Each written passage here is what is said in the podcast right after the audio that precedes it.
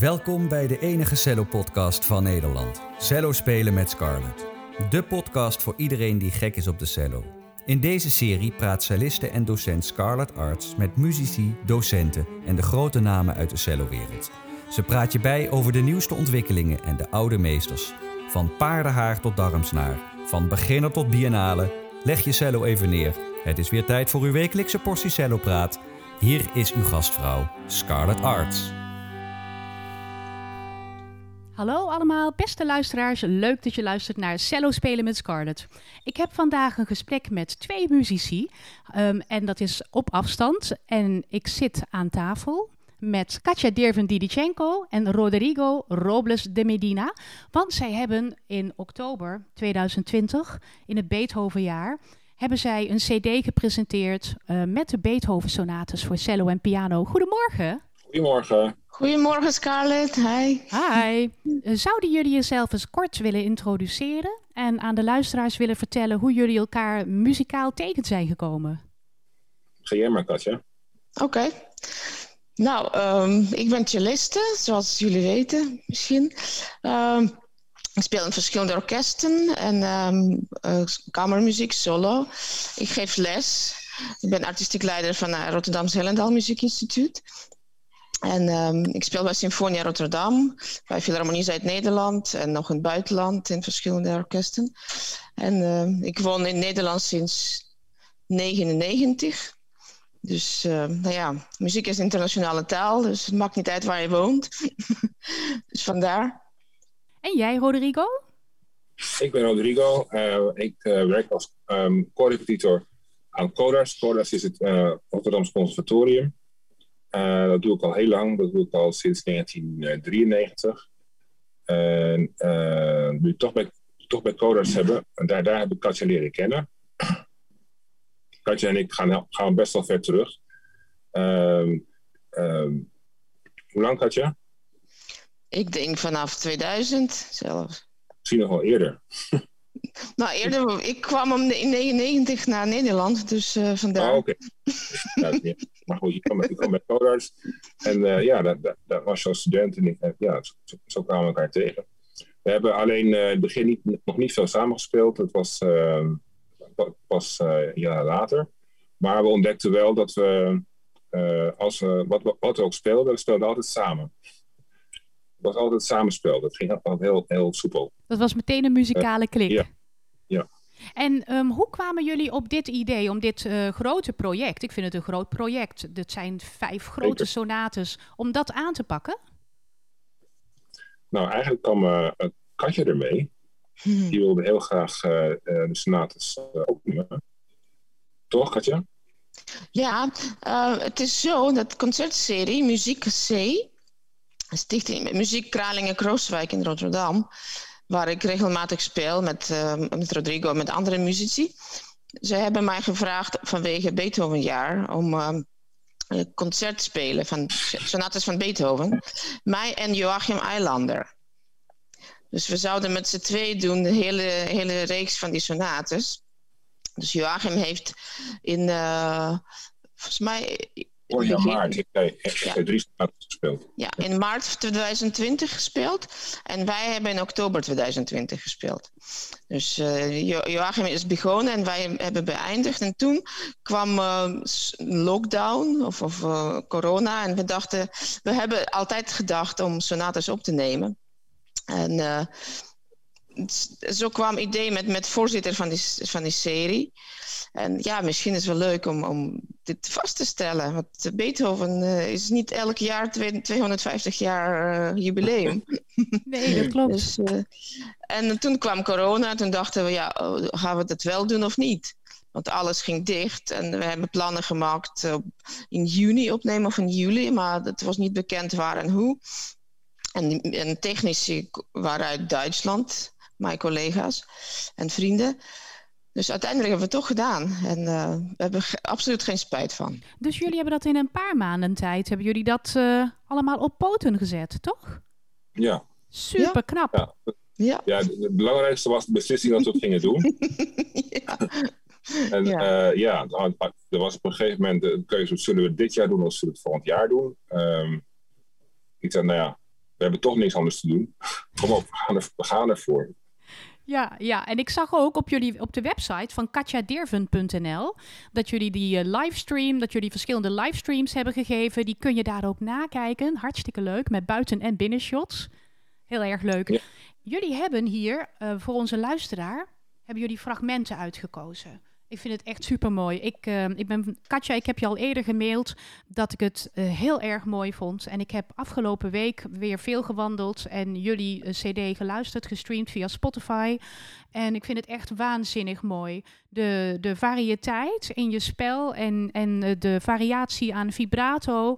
En um, het mooie samenspel met Rodrigo. Echt prachtig. We gaan starten met een stukje uit de eerste sonate. En dan Dank je wel. ja, ach, uh, het, het is zo. We, met de eerste sonate, Adagio sostenuto.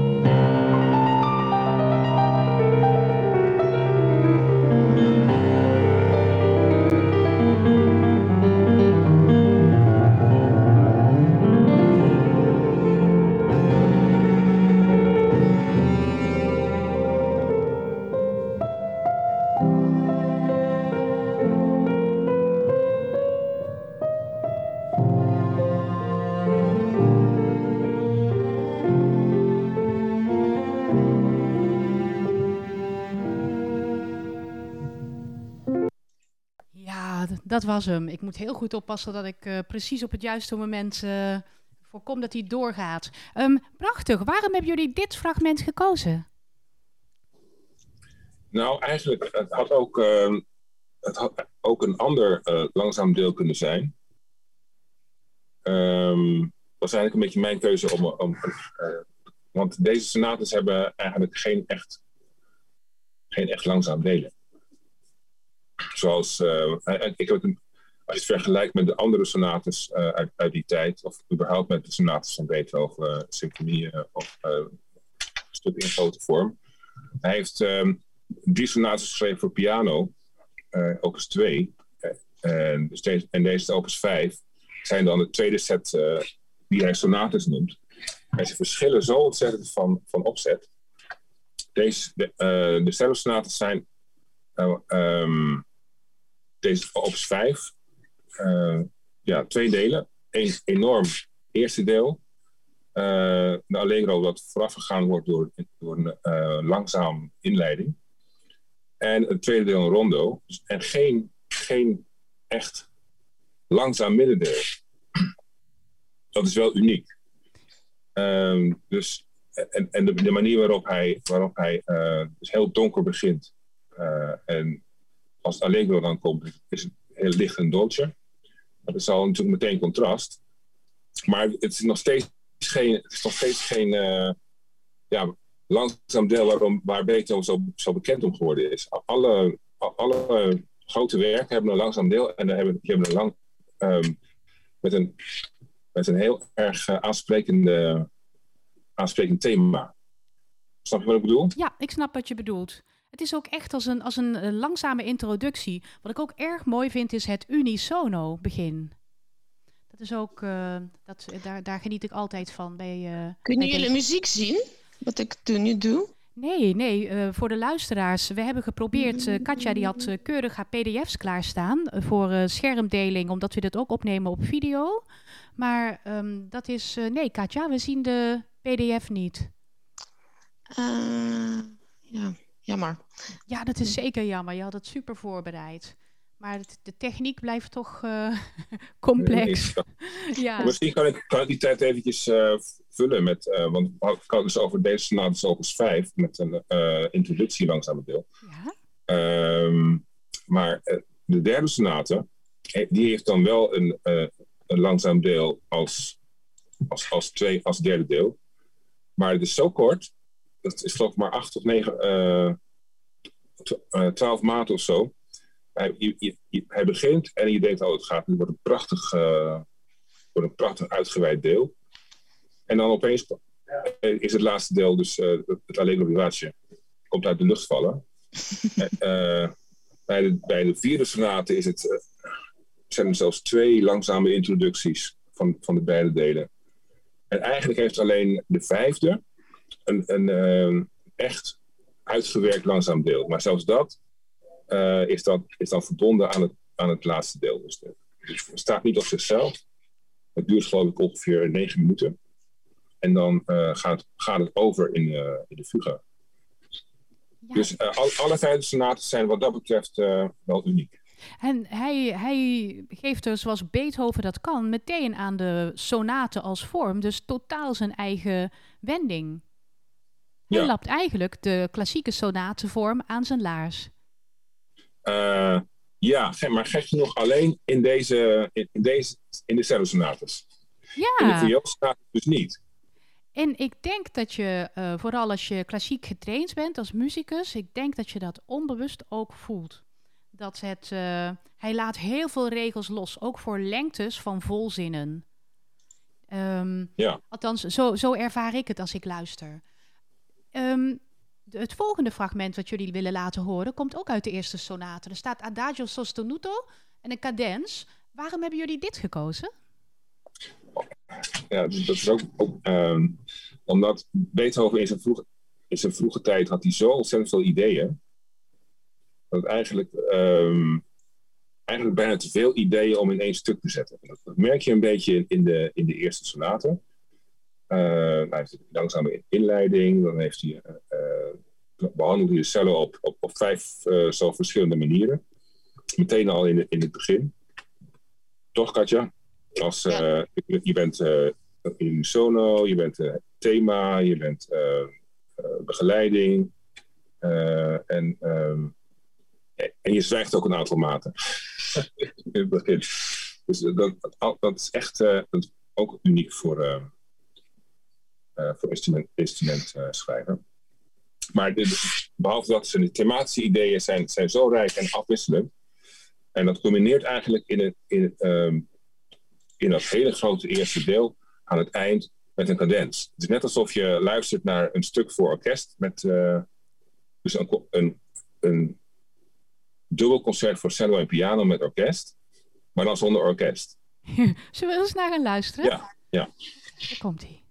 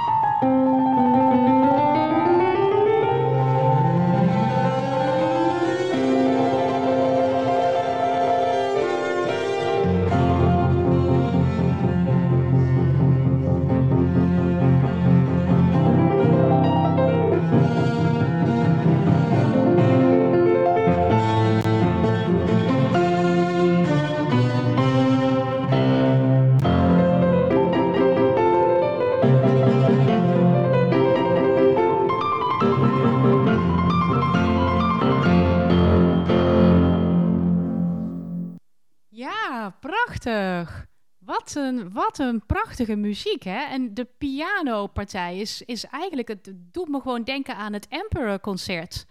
Eh, en aan een pianoconcert. Fantastisch. Ja, Eh, het is super, eh, een- een- super ehm, origineel geschreven. Super origineel geschreven, Ja. inderdaad. En dan komt het thema weer terug, waar we na het eerste fragment in over zouden gaan.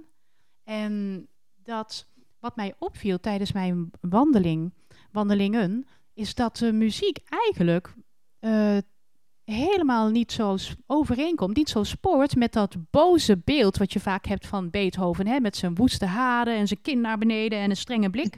Er zit zoveel vrolijkheid en happiness in zijn muziek, dat ik denk van, hij moet ook een gelukkig leven hebben gehad. Hoe voelen jullie dat? Ja, zeker. Natuurlijk. Ja. Ik vind dat zijn muziek ook heel veel humor heeft. En, eh, en eh, spel en heel veel zit erin.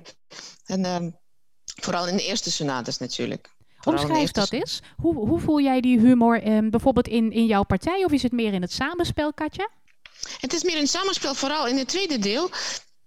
Eh, in de rondo. Er zit een heel erg, lijkt op Haydn. Haydn ronde, ronde muziek en symfonisch natuurlijk. En eh, bijvoorbeeld het eerste thema. Het is heel vrolijk en, en, en het gaat gewoon door. En dan 17 minuten lang ontwikkelt hij eh, verschillende. En het thema gaat en daar en daar en daar. En af en toe begint, eh, gebeurt er wat en dan eh, echt van alles. En het lijkt makkelijk, maar het is het niet. Nee, nee, het is het zeker niet. Ehm, jullie derde eh, fragment komt uit de tweede sonate, sonate Adagio sostenuto e espressivo. Waarom dat fragment? Nou, eh, dit, dit, fragment is, ook- is ook weer een langzame inleiding voor het, voor het grootste eh, Allegro, erna volgt. Maar je ziet dat, dat ten opzichte van het vorige sonate is dit dus heel erg uitgebreid. Het, het is een veel langer, veel langer inleiding en ook een heel stuk dramatischer. Eh, begint, eh, en wat ik mooi vind, wat ik altijd wil, nou, willen zeggen in, in de programma-notes, program notes. Eh, het begin van deze, de eerste twee maten, eh, nee, de eerste vier maten, die, die doen me heel erg denken aan de Pathetiek Sonate voor piano. Tadam, tadam. Ja, Katja zingt hem al, weet je wel. En dan eh, op dat, dat verkeerde ritme, de, de, twee, de twee akkoorden, de twee helftakkoorden. ehm, dat, dat is dus echt, eh, doet me denken aan die, aan, aan, die uh, sonaten. Dus, en hij kijkt ook heel erg vooruit naar, naar ehm, ja, toekomst. Ja, toekomst, ja. hoe, hoe dat dan? Hoe naar de toekomst? Nou, de, de, de, de pathetiek is opus 13, dit is opus 5. Opus 13, opus 13 schreef hij, uh, toen, toen merkte hij al dat hij doof ging worden. Ja. Uh, dat, was, hier nog niet zo, maar het drama uh, wat, die, wat, die, akkoorden betekenen. beide de markeringen voor, voor beide akkoorden zijn fortepiano, zowel hier als in de pathetiek. Ja. Doe me ook een beetje de, twijfelen aan de een beetje tra traditionele uh, manier van spelen voor de pathetiek, voor het akkoord. Je hoort meestal boom in de, in de piano, in, het, in uh, de pathetiek sonate. En hier, wij, wij hebben ervoor gekozen om um, te beginnen met boom. Echt uh, op, een andere, op een andere manier dan, dan in je gezicht. Uh, maar, maar hoe doe je dat met de piano? Ik, ik, ik kan me meteen voorstellen hoe je dat doet met je strijkstok. Maar hoe, dat, hoe doe je dat met de piano? Met de piano doe je dat dan. dan je, moet wel, het is ontspannen, je, je ademt uit en dan neem je als het ware het akkoord uit, uit, uit het instrument in plaats van dat je het, er, erin duwt. Ah, wat goed, wat goed. We, gaan we gaan ernaar luisteren.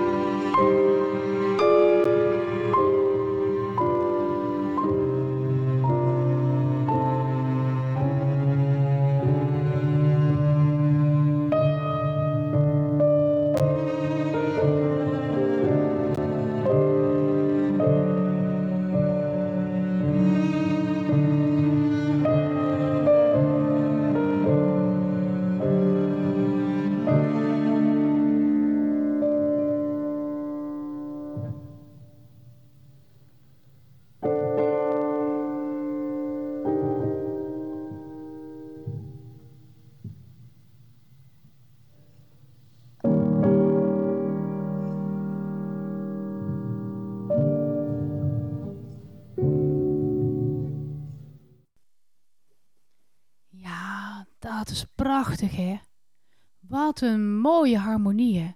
En die waanzinnige dialoog tussen piano en cello, tussen jullie twee.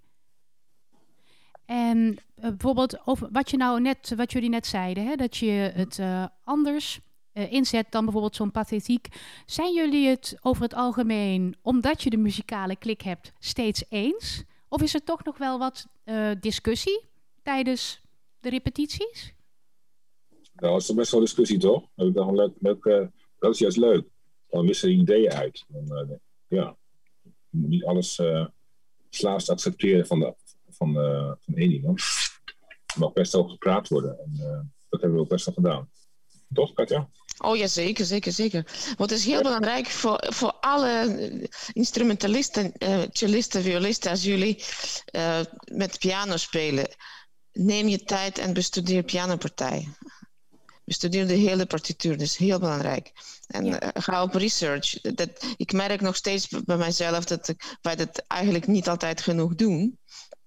En uh, nu heb ik het wel gedaan. Het, en wij ontdekken altijd veel meer dingen. En vertel eens iets over die research. Wat, wat hebben jullie bijvoorbeeld hiervoor gedaan of ontdekt? Dat je zegt, ah, goed dat ik het weet. Um, wat wij hebben, uh, Rodrigo heeft een nieuwe editie gekocht van Berenreiter. Die is in 2014 uitgekomen, toch? Ja. En dus, daar uh, was... Dat is de editie van uh, Jonathan Dalmar. Die heeft de hele doet een complete uitgave van Beethovens werken. hij is nog steeds bezig. Momenteel werkt hij aan de pianosonates. Uh, en die, dat is echt een researcher. Die heeft alle, alle voorgaande edities van de cellosonates bestudeerd. Ja. en de verschillen, de verschillen gevonden. Ehm, heel veel, heel veel heel algemeen geaccepteerd was de eerste Hendler-uitgave van uh, André Navarra. Die heeft uh, een standaard. En, maar hij heeft toch weer andere, andere dingen ontdekt. Uh, en meer, meer edities samen bestudeerd. En daar is dit uitgekomen. En vooral in het, in, dat je in één deel, het, het, tweede deel van het eerste sonate, speel je ook echt andere, andere noten. Ja, daar staan octaven in, in de Navarra's. Maar hier niet. Er zitten andere noten. In het eerste deel, uh, inderdaad. Nee, in een rondo. In een rondo. Ja, in het rondo. Waar in de rondo. Ja, ja, ja, ik kan even laten zien. Ik verschil. Kijk, hier staat het. Ja. Zo. Ja. ja. Iets dichterbij houden, Katja, want dan kan ik bijna niet zien. Ja, het, oh, Ja. de enorme sprongen daar, de octaafsprongen, ja. En in de oorspronkelijke editie van, eh, van, van eh, Navarra staat het anders. En daar hebben we, zaten we te puzzelen. Er zitten gewoon totale andere noten. Oké, ja, inderdaad. Ja, die ken ik. Ja, dat is inderdaad die Hendler die wij ook allebei hebben. De, ja, Ja, ja, ah, ja, ja. dat is inderdaad totaal anders. Hebben jullie toevallig ook een facsimile opgezocht? Een handschrift van Beethoven? Is er Nee, dat dat? hebben we. Ik weet ook niet of het er is. Maar waar we, ik weet wel wat, waar we hebben- voor hebben gekozen. Gekozen voor die nieuwe editie. Omdat daar de, de cello zich duidelijker onderscheidt van de, eh, van de linkerhand van de piano. Heel, heel vaak merk je dat, eh, vooral in eh, trio's uit die tijd, piano trio's, dat de cello een soort verdubbeling is van de linkerhand van de piano. En eh, dat was hier dan ook het geval. En we hebben gekozen om het toch niet te doen, dit. toch te gaan voor, die, voor, voor een aparte partij. Dat je echt Ah, hoort wat, wat het cello daar speelt. leuk hoor. Dat is, een, eh, dat, dat is een, een nouvelliteit op dit moment. Want die, die, die nieuwe editie is er nog niet zo lang. Leuk, leuk. Nee. hey, ehm, we gaan naar sonate 3. Oh, die is zo waanzinnig mooi. Ik speel dit thema meestal op een cello die ik in wil kopen om te kijken hoe erg de wolf op de vies is. op de Ik ook, ik ook. Leuk hè? Ja. Ehm, Daar komt hij, prachtig, komt hij.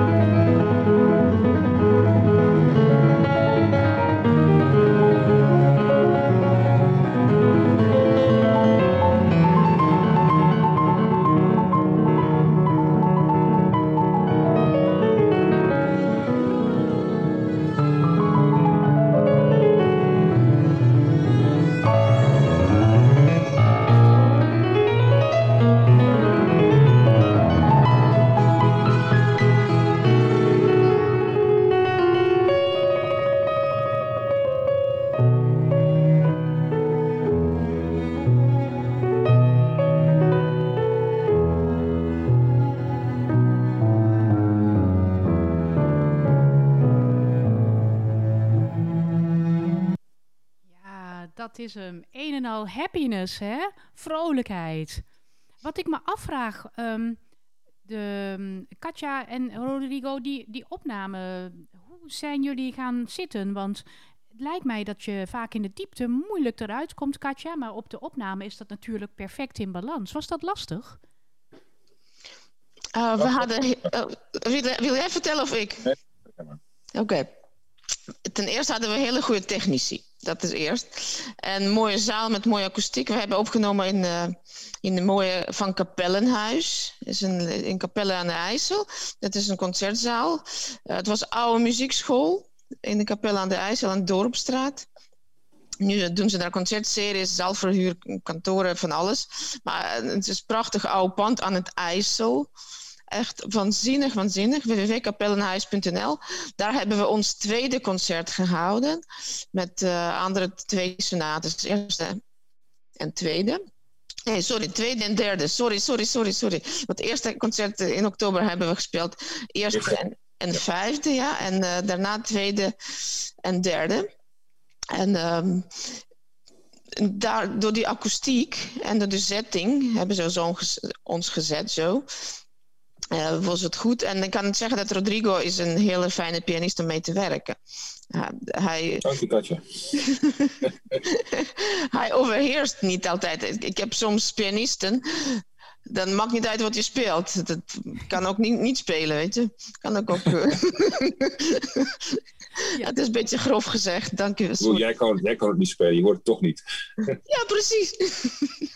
ja, en met, met Rodrigo is dat uh, heel fijn. En ik kan over mijzelf zeggen dat af en toe moet ik mezelf dimmen. Dat het kan heel dominant zijn. En dat is inderdaad met die Beethoven-sonates is zo gelijkwaardig dat het, het, je moet aan elkaar aanpassen. En ik wil even iets kwijt als het mag over de derde sonate. Ja. Het is een eerste sonate eigenlijk in de geschiedenis dat cello en piano klavier dan in dit geval, als twee gelijkwaardige instrumenten waren. Want de eerste en tweede sonaten, ze zijn toch in het stijl van oude sonaten, waar cello als een continuo is. Anders natuurlijk dan eerder, dan bijvoorbeeld bij Handel en dan wat dan ook. Maar in de derde sonate is echt, echt, echt als een, twee gelijkwaardige instrumenten. En het was een grote, grote voorbeeld voor verdere muziek, uh, voor verdere muziekontwikkeling van sonaten bijvoorbeeld Brahms, Debussy, Shostakovich zelfs, heeft dit sonate als een voorbeeld genomen voor zijn sonates voor cello en piano en viool. Bijvoorbeeld uh, tijdens dit sonate heeft Beethoven ook geschreven Chorale Symfonie, uh, sorry, Chorale Fantasie, vijfde en zesde symfonie, uh, vioolconcerto en trippelconcerto. Heeft in dezelfde periode geschreven. En die sonate is geschreven bijna tien jaar later dan eerste en tweede. Dus heeft, dit is een middelperiode, middelperiode van een Beethoven geweest. Zijn, zijn, uh, hij voelde al een beetje, beetje doofheid, maar hij heeft nog, waarschijnlijk nog niet, niet heel erg stil bij gestaan daarover. Dus het, het, het, het, uh, het is meer romantisch, meer, meer ontdekking van instrument, instrumentenmogelijkheden. Want het is vrij virtuoos en nogal heftig. Ja, en echt solistisch, hè? Heel mooi. Ja, ja. Jullie hebben ook gekozen, uh, en trouwens tussendoor voor de luisteraars, aan het eind van de podcast uh, geven jullie ook een, uh, een actie, een, een, aanbieding voor jullie cd. Maar we gaan even door naar het Adagio Cantabile van deze sonate. Ja, daar heb je hem al in beeld. Hartstikke goed. Ja. Straks gaan we vertellen aan de luisteraars wat, um, wat jullie aanbieding is voor hen. Um, waarom hebben jullie dat Adagio Cantabile gekozen uit sonate 3? Omdat het zo, ik had het eerder over introductie de introductiefunctie van, de, van, van het uh, langzame deel. Hier heb je echt het idee dat gaat, dit gaat een heel mooi adagio worden van, uh, van 80 maten. Maar het is na, na een aantal maten is het al voorbij. Ja. Dat, vond ik, dat vond ik leuk om te laten horen. Ik zie inderdaad 1 minuut 40. We gaan er naar luisteren.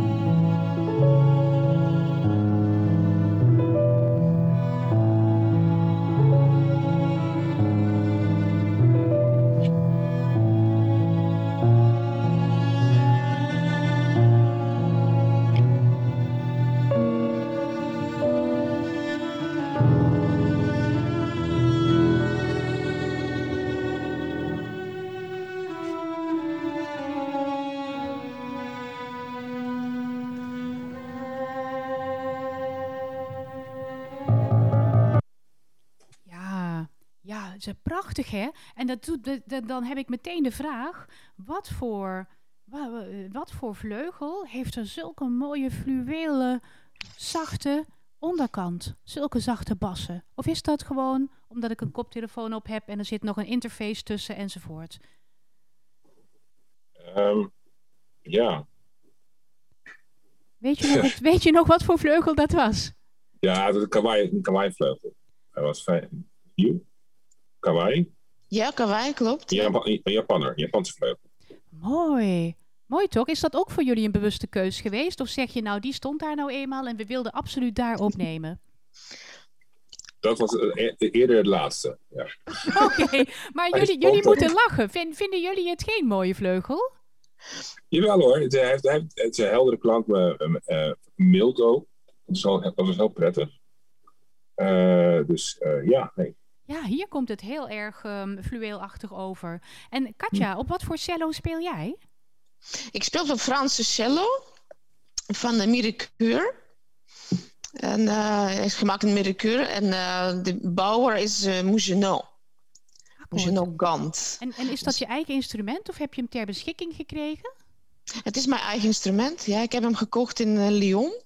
Bij eh vioolbouwer Snitkowski. Hij is een leerling van Smit. Hij woont nog steeds in Lyon. En daar ben ik naartoe gegaan. Ah, leuk. Ja. Mooi, eh, mooie zoektocht geweest, of niet? Ja, zeker, zeker. Ik, eh, ik, ik ben naartoe geweest en, en eh, mocht een week, paar weken bespelen. En ja, daarna moest ik op zoek naar een strijkstok. Dus heb ik een hele mooie knop van 1830, geloof ik, ja. En bij, bij meneer Stam gek- gekocht. Ja, ah, toen, eh, toen was meneer Stam nog eh, in actie. Hè? Inmiddels is hij gepensioneerd. Op afspraak mag je nog terecht. Ah, oké, dat wist Dat ik niet. Ja, dan kan ik mailtjes sturen en dan antwoordt hij wel netjes. En Ah, hij, hij vindt die stok heel geweldig. Die is een heel klein beetje langer dan alle normale strijkstokken. Oeh, Anderhalve centimeter langer. dat is prettig. Heel prettig, ja. ja. We gaan door naar het volgende fragment. Jullie hebben gekozen sonate 4 en dan het andante. Waarom dat fragment? Nou, hier kun je duidelijk zien, ehm, ehm, of horen vooral, hoe eh, Beethoven de cello heeft, verweven in de pianopartij. Of, en omgekeerd. Ja, eh, de, de harmonieën en de, de, de manier waarop, waarop eh, de, de motieven bewegen, uh, zelfs van elkaar, en dus met de piano ten, ten opzichte van de cello, is zo, zo mooi. ehm, ja, zo, het klinkt zo mooi dat je je bijna niet kan voorstellen dat een doof iemand dat geschreven heeft. Was hij hier al definitief Hier, doof? al- hier, hier was hij al, eh, ja. Jeetje, dat is waanzinnig. Dat is een, inderdaad Het een innerlijke hele gehoor moet zo sterk geweest zijn dat, dat, dat je dit, eh, en, ehm, ja, dat, je dit kon, eh, kon componeren. Ja, we En, gaan en zo de instrumenten ehm ten opzichte van elkaar eh, verdelen. Ja, we gaan er naar luisteren. Ik wist dat niet. Ik ga er nou met andere oren naar luisteren. Daar komt hij.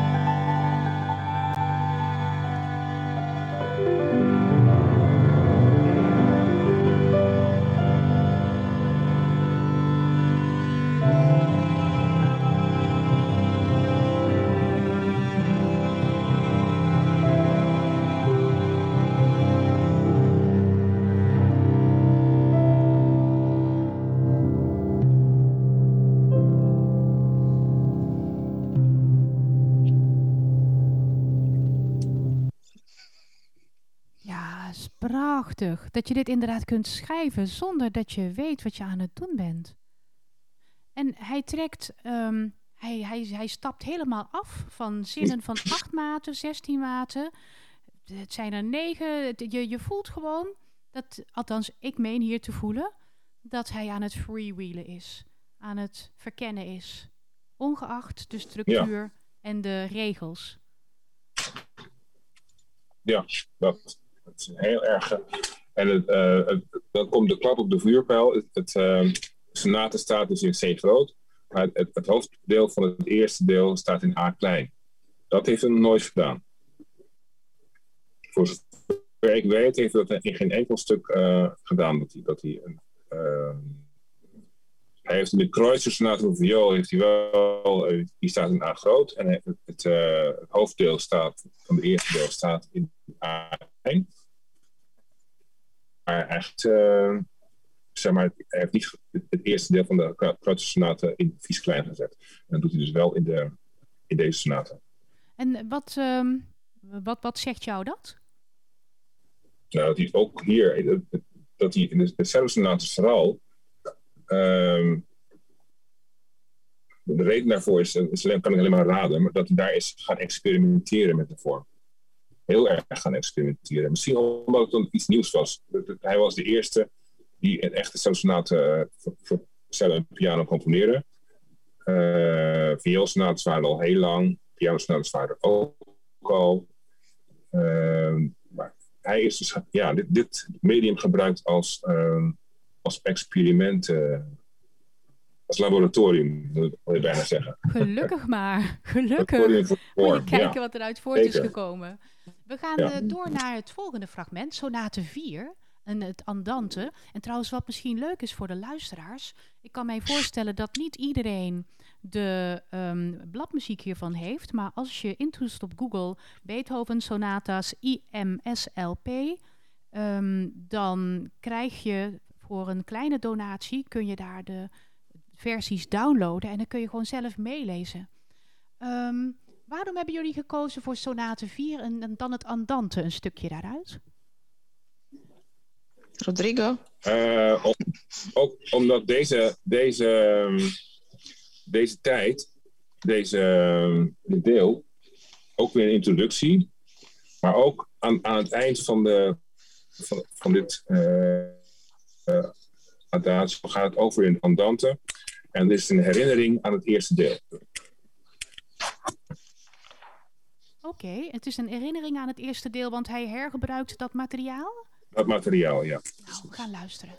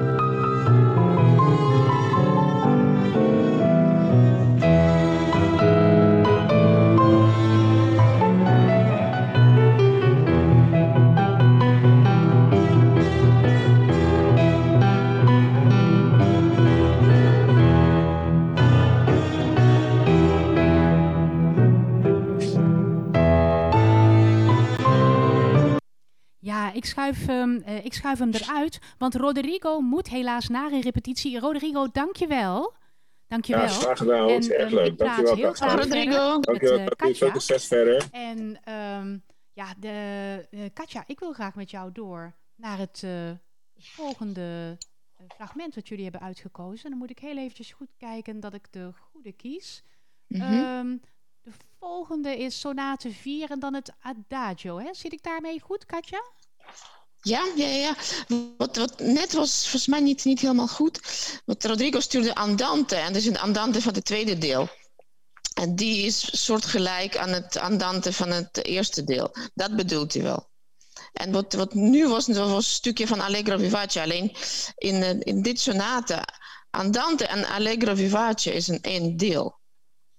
Ah, oké. Snap je? Het staat Andante, Allegro Vivace. En Andante van ehm stukje in eh, naar Adagio. Ja. Het is eigenlijk hetzelfde, hetzelfde materiaal als in, in het begin van die sonate. Ah. En dan gaat hij langzaam naar Allegro Vivace van, eh, van het volgende en het, van de laatste deel van dit sonate. Ja, Dus op, op die manier. op die manier. Oké, dankjewel. Ja, Hey, wij gaan naar de waanzinnige sonate in D. Over happy music gesproken, maar ook het meest droeve, langzame deel ever. Ik denk dat als ik mag kiezen wat er mee zou gaan naar een onbewoond eiland... en ik mag maar één stuk bladmuziek meenemen... dan kies ik toch voor de Beethoven-sonates, ook al blijft de pianist thuis. Ik vind het zo waanzinnig mooi. Heb jij, eh, zou jij toch voor Bach-suites gaan of voor iets anders... als je maar één stuk bladmuziek mee mag nemen? dat zou ik voor Beethoven gaan. Ja, ik ook. Echt, Zeker. Die gaan met mij mee. Niet, Ehm, niet tenminste van Bach, Nee. maar als ik mag kiezen. Ja, ja. Ik ben het met je eens. hey, ehm, dat eerste deel hè, in D groot. ehm, hoe heb jij dat ervaren? He- wat voor gedachten mag daar de luisteraar bij hebben? Dat is heel heftig muziek nog niet zo heftig als een fuga. Want fuga is heel onbegrijpelijk, ook zelfs voor technici. Maar dat is het iets anders. Een introductie van dit stukje, pianostukje, en daarna inzet van de cello en wat verder komt, staat eigenlijk totaal los van elkaar. Want het begint taradaradam, taradaradam, taradaradam, verwacht er iets anders. Nee, een cello, cello komt dan pam, pam, pam, pam. Nee, we gaan iets anders doen. En dan begint prachtige melodietje bovenop. Dus dat is heel verrassend. En daarna zitten heel veel snelle passages. Eigenlijk een beetje vergelijkbaar wat gebeurt in vierde eerste deel. Vierde eerste deel van de vierde sonate. Dat heftig en snel en compact. Heel compact bij elkaar. En eh, je moet heel goed naar elkaar luisteren en alle voorslaagjes op tijd spelen. Eigenlijk bijna met metronoom spelen. En hier zit je echt, je hoort dat Beethoven al doof was. Die, die vierde en vijfde sonaten komen uit zijn laatste periode. Die zijn geschreven na, na 1815. Dus je moet je voorstellen dat hij in 1827 is die overleden. Dus dat is eigenlijk niet zo ver van toen zij, hij overlijdt. En ehm, ehm, wat ik wilde nog zeggen. De eerste uitvoering van alle cello-sonates in de 20e eeuw was Pablo Casals. Oh, net, ja. als een, ja, ja, net als een Bach-suites. Ook zijn eerste opnames, opnames waren in 1930 door Pablo Casals gedaan. Oh, die, Ja. die Pablo Casals. Ik ben ook zo benieuwd waar hij dan eh, zocht om die bladmuziek tegen te komen. Want jij, jij zegt het ook al, hij was ook degene die de Bach-suites van het, ja, eh, het stof eraf veegde. En nou ook dus de Beethoven-sonates. Hij had er wel een neus voor. Hij had blijkbaar de mogelijkheid om op pad te gaan om bladmuziek te zoeken. Ja, ja. Ja. Ehm, wij gaan luisteren naar dat eerste deel. En ik ben er ook inderdaad benieuwd, nu, nu we weten dat hij toen al doof was, of die, al die sforzandi erin, of die misschien gedaan zijn dat hij dacht, in de, in, dat hij dacht misschien hoor ik dat dan nog. Dat ze maar flink van jetje geven. Daar komt hij.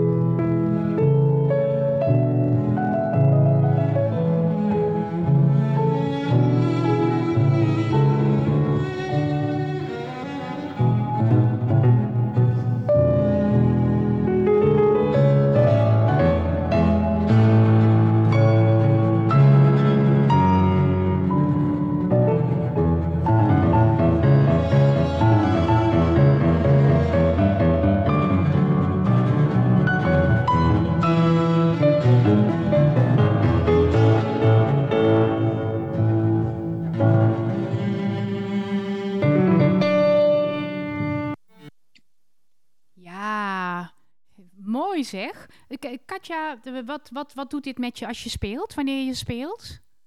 Het heeft heel veel spanning, maar ook heel veel voldoening. En vooral als je uh, moet kijken wat er staat. Dat is het allerbelangrijkste. Dat je echt alles volgt wat de componist heeft geschreven. vooral uh, plotselinge piano, plotselinge. Uh, als, als, als muzikus kan ik adviseren aan cellisten probeer niet te forceren. Beethoven, muziek van Beethoven uh, is heel erg, uh, heel erg uh, temperament. Het eist van jou, het moet uitkomen. En dan gaan meesten, nou niet meesten, maar je wilt alles geven. Maar less is more. cello is geen trombone, cello is geen heel orkest. Dat moet je goed realiseren. Er is beperking van. En als je gaat duwen, pushen, dan is het, ja, dat is het jammer. Ja, maar ik vind het wel dapper van je, Katja. Want je denkt natuurlijk ook van, uh, je, je hoort in je rug dat enorme geluid van die kawaaivleugel. En toch moet jij ervan verzekerd zijn van, ik kom er wel doorheen. Tuurlijk, tuurlijk. Want Rodrigo houdt ook rekening mee met Forte. Ja. Je moet vooral denken, in, in die tijd, ze hadden geen grote Yamahas, geen grote Steinways. Nee. Er waren ook forte pianos. En wat belangrijk is, als je zit, niet in de vleugel moet je zitten. Je moet naast de vleugel zitten. Ja, ja niet erin, inderdaad. Niet in die ronding. Uh, maar de, ja, inderdaad, ernaast. Dat zie je ook op, de, op jullie livestream, dat jullie zo opgesteld uh, staan. Hey Katja, voordat we uh, dadelijk um, het laatste fragment af gaan spelen, want dat is een heel lang fragment. En we hebben afgesproken samen dat we af gaan sluiten voordat dat laatste fragment wordt uh, gespeeld. Um, jullie hebben een aanbieding. Zou jij de luisteraars willen vertellen over de aanbieding? Nou, um, de, de CD bestaat uit twee CD's. Dus een dubbel CD, zo ziet het eruit. Met mooie hoesje. Mooi. Ja, ontworpen door mijn goede vriendin Ludmila Verbna. Zij is ontwerpster, zij is schrijver, Oekraïense, Russische literatuur. En tekst is gemaakt door Heather Kirschbouw, ook mijn hele goede collega violiste. Ja. En uh, alles staat in Engels, er zijn twee cd's. Uh, de prijs is 15 euro, normaal gesproken. Eigenlijk 20 euro inclusief verzendkosten. Maar nu hebben we een mooie aanbieding. 15 euro exclusief uh, verzendkosten. Katja, dat is geen geld. nee, dankjewel. dankjewel. En je kan het bestellen op uh, cd.katjadeerven.nl cd.katjadeerven.nl En dan krijgt, men, uh, uh, dan krijgt men jou aan de mail. Ja. Um, en dan kunnen ze vertellen dat ze de podcast hebben gehoord of de video hebben gezien en dat ze graag gebruik willen maken van deze aanbieding. En jij vraagt hen vervolgens om, uh, uh, om het adres en zo en na een betaling ja. komt dat allemaal rond? Ja, ik stuur het op. En inderdaad, en het, actiecode is podcast. Actiecode is podcast, dat is duidelijke taal. Um, Katja, ik vond het uh, ontzettend leuk. Jij vertelde straks dat je in 1999 naar Nederland bent gekomen. Maar volgens mij heb ik jou dan ontmoet uh, in, de, in de tijd dat we samen de baan deelden bij de musical Foxtrot. Dat je net in Nederland was aangekomen. Klopt, um, klopt. Was het niet zo, Katja, dat jij jouw man, Daan, hebt leren kennen terwijl je op de tournee was in Nederland? En dat, uh, dat hij, zijn ouders waren een gastgezin of zo? Ja, zijn familie was gastgezin. Hij woonde toen ook al no nog bij, bij zijn ouders. Ja. We waren drie jaar uh, eigenlijk achter elkaar op tournee geweest. En de eerste uh, stopje, eerste ons uh, onderkomen was in, bij hun thuis. Ze waren gastgezin. En daarna, drie jaar achterla, achterna, kwam ik elk jaar naar Nederland met het orkest op tournee. Ja, want jij, jij sprak toen al prima Nederlands in 2000. Nou ja, ik wilde snel gaan werken. Lesgeven vooral. Ja. Dat is mijn, mijn groot, grote passie. En alle niveaus, alle leeftijden. Ik, ik, doe het nog steeds. En als je in Nederland woont, vind ik dat je taal moet bespreken, beheersen. En om lesgeven aan kleine kinderen, dat moet je wel doen. Ja, dat is ook zo. Goh, wat leuk. Ik heb nooit doorgehad dat ik jou zo pril in jouw Nederlandse leven heb ontmoet. Leuk. Um, ja. Ik wil jou en ook Rodrigo hartelijk bedanken voor de tijd die je hebt gemaakt om in deze podcast te komen. Ja, jij ook bedankt om ons uit te nodigen. En, uh, in een prachtige setting. En, uh, want ik volg jou al lang. En ik vind dat jij ook heel, heel mooi. Uh, ik vind je studios fantastisch. En ik vind dat jij heel goed actief bent. En over lesgeven, over cello, over alles. Jij nodigt hele leuke mensen, mijn collega's, jouw collega's uit. Dus uh, nou, ga zo door, Scarlett. Dankjewel, ja. dankjewel. Ja. Dat is hartstikke aardig van je. Ja. Nou, ik, um, ik eindig met het Adagio uit, dat, uit de vijfde sonate, Adagio con molto sentimento d'affetto. En dat is een hele lange titel. En ik vind het inderdaad het meest, ja, de meest droeve melodie die je maar kunt hebben. Met die prachtige kleine positiewisselingen die je zo mooi kunt gebruiken als cellist. Katja, dankjewel. En, ja, um, bedankt Scarlett. Graag bedankt. gedaan. Hier komt het laatste fragment, beste luisteraars.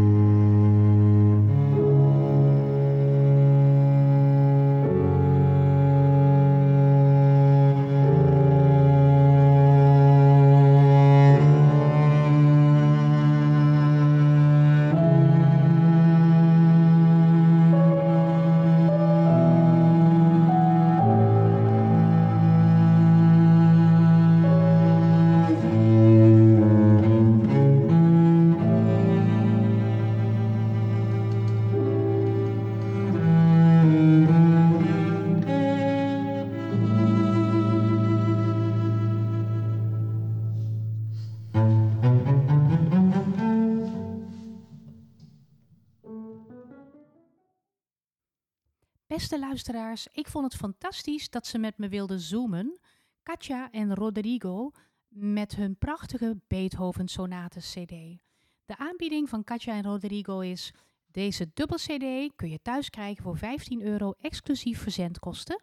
En het kan gewoon door de brievenbus. Dus die verzendkosten die zijn uh, echt te verwaarlozen.